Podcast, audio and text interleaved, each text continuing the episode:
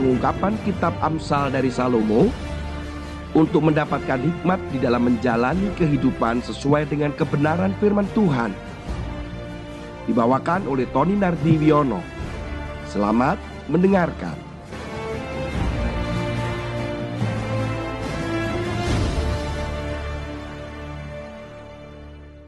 Shalom Bapak Ibu sekalian, saudara yang kekasih di dalam Tuhan. Pembacaan firman Tuhan pada hari ini kita akan membuka pada kitab Amsal pasal 11 ayat yang ke-21. Demikian firman Tuhan. Sungguh orang jahat tidak akan luput dari hukuman. Tetapi keturunan orang benar akan diselamatkan. Saudara, kalau di dalam King James Version ayat ini dibaca demikian. Meskipun bergandengan tangan, orang jahat tidak akan luput dari hukuman. Tetapi keturunan orang benar akan diselamatkan. Pernahkah kita berpikir bahwa ketika kita itu dikhianati atau orang berbuat jahat kepada kita, Kemudian kita berpikir untuk memberikan balasan, untuk memberikan pelajaran, sehingga kita berpikir untuk membalas dendam dengan cara apa pun, sehingga nggak heran muncul kata-kata biar, biarkan kita usahakan untuk supaya kapok atau dia jerah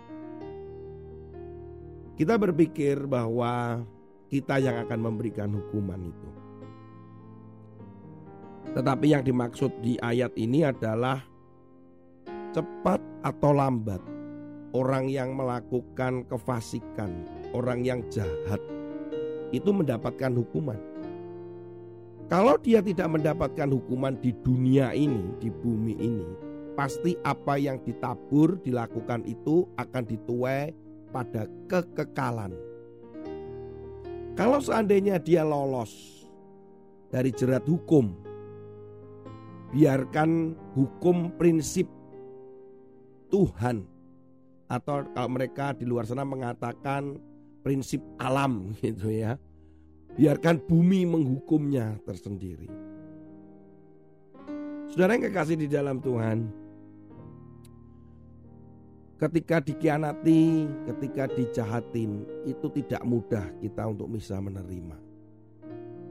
Kadang kita berpikir bahwa mengapa dia tega?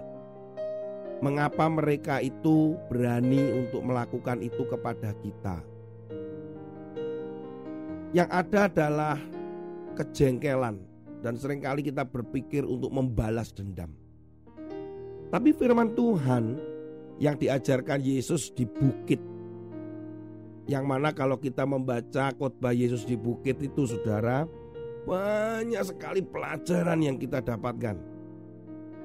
Sepertinya khotbah Yesus di bukit itu adalah khotbah yang terpanjang. Yang artinya langsung ya untuk dikatakan.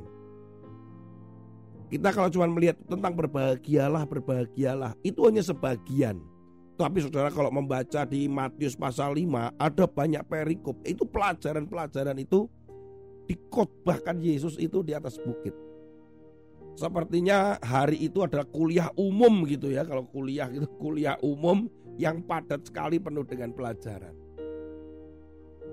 Di dalam khotbah di bukit itu Yesus mengatakan dalam Matius pasal 5 ayat 38 kita mulai.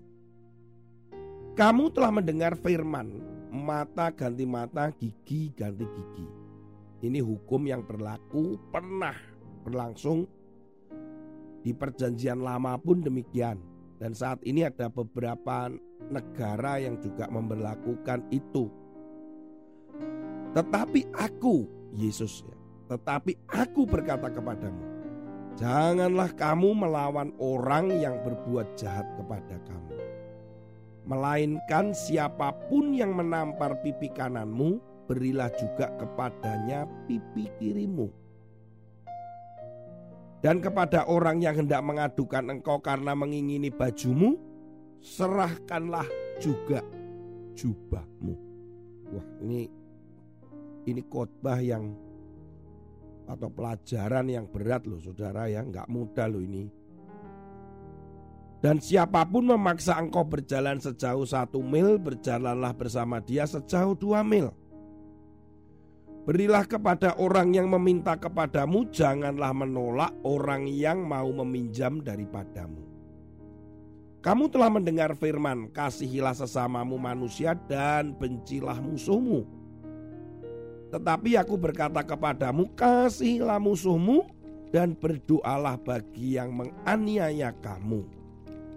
Karena ini alasan Yesus yang diajarkan kepada kita.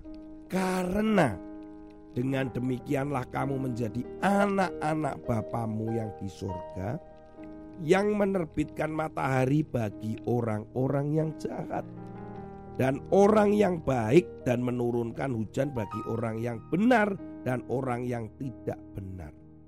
Apabila kamu mengasihi orang yang mengasihi kamu, apakah upahmu? Bukankah pemungut cukai juga berbuat demikian? Saudara yang kekasih di dalam Tuhan ini pelajaran yang berat loh, gak mudah.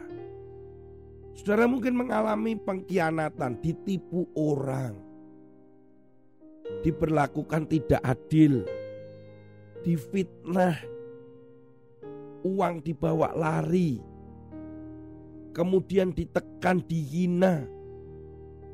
Bagaimana orang-orang yang ada di sekitar kita memperlakukan kita dengan perlakuan yang jahat.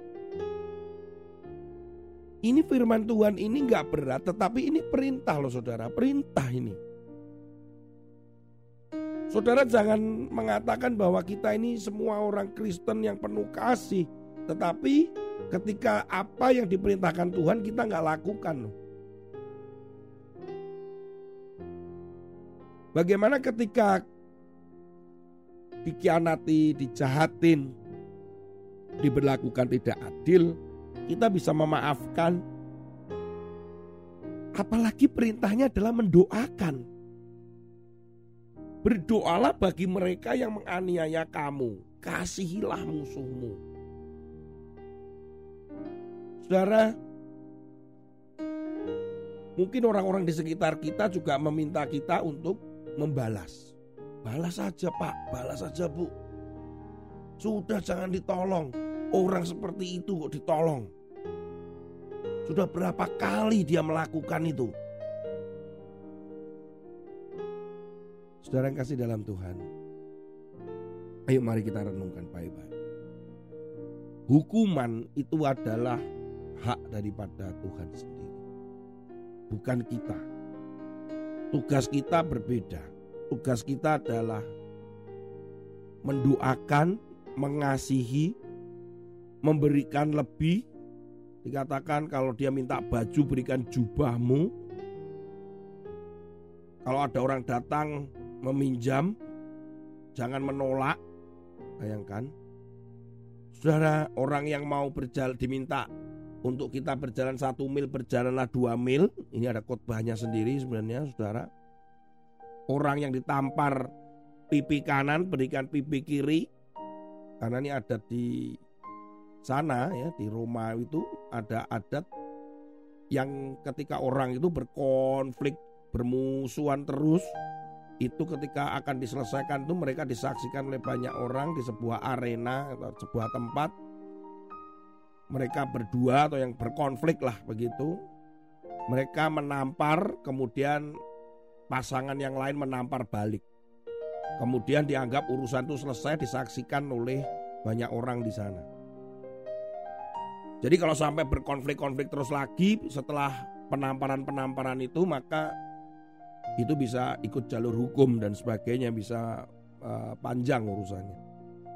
Saudara, Tuhan Yesus memerintahkan kalau kamu ditampar nggak usah balas, minta aja dia untuk menampar kita lagi gitu. Saudara, mari hari ini khusus untuk belajar mengampuni musuh, memberikan lebih, mendoakan mereka. Supaya apa? Supaya kita ini disebut anak-anak Bapak. Jangan ngomong bahwa aku ini anakmu. Aku ini adalah umatmu. Saudara, kalau kita nggak bisa melakukan apa yang Yesus mau, yang diperintahkan dan disampaikan pada khotbah di atas bukit ini, saudara nggak bisa. Apa bedanya kita dengan orang di luar sana? Ketika dikatakan bahwa sama dengan Bapak kan menerbitkan matahari itu nggak milih ini matahari ini untuk orang yang baik ya, untuk yang orang jahat jangan matahari. Apa? Ramayana. Saudara ya. Enggak Bapak di surga semua baik itu yang di bumi itu jahat, baik juga diterbitkan matahari. Hujan juga begitu. Oleh karena kita tuh anak-anaknya, anak-anak Tuhan, kita juga harus melakukan yang sama apa yang dilakukan oleh Bapak kita. Mari kita belajar, gak mudah memang, tetapi itu harus. Dan biarkan firman Tuhan renungan kita hari ini mengingatkan kita untuk kita mengasihi lawan kita yang jahat dengan kita. Jangan pernah berpikir untuk melawan dengan kejahatan, membalas, menghukum. Hukum alam akan mengenai dia dengan kata lain hukum Tuhan akan kena pada dia. Kalau hukum di dunia ini luput, tetap saja ada akibat kekekalan. Tapi tugas kita adalah mendoakan, mengasihi, memberikan lebih supaya kita menjadi anak-anak Tuhan, anak-anak Bapak. Kita lihat bahwa ada kesempatan terjadi pertobatan. Betapa luar biasanya. Biarkan kasih Kristus dalam kita mereka rasakan dalam kehidupan. Tuhan Yesus memberkati. Haleluya. Shalom. Ketika hatiku telah disakiti, ajarku memberi hati mengampuni. Ketika hidupku telah dihakimi, ajarku memberi hati mengasihi. Ampuni bila kami tak mampu mengampuni yang bersalah kepada kami. Seperti hati Bapa mengampuni, mengasihi 你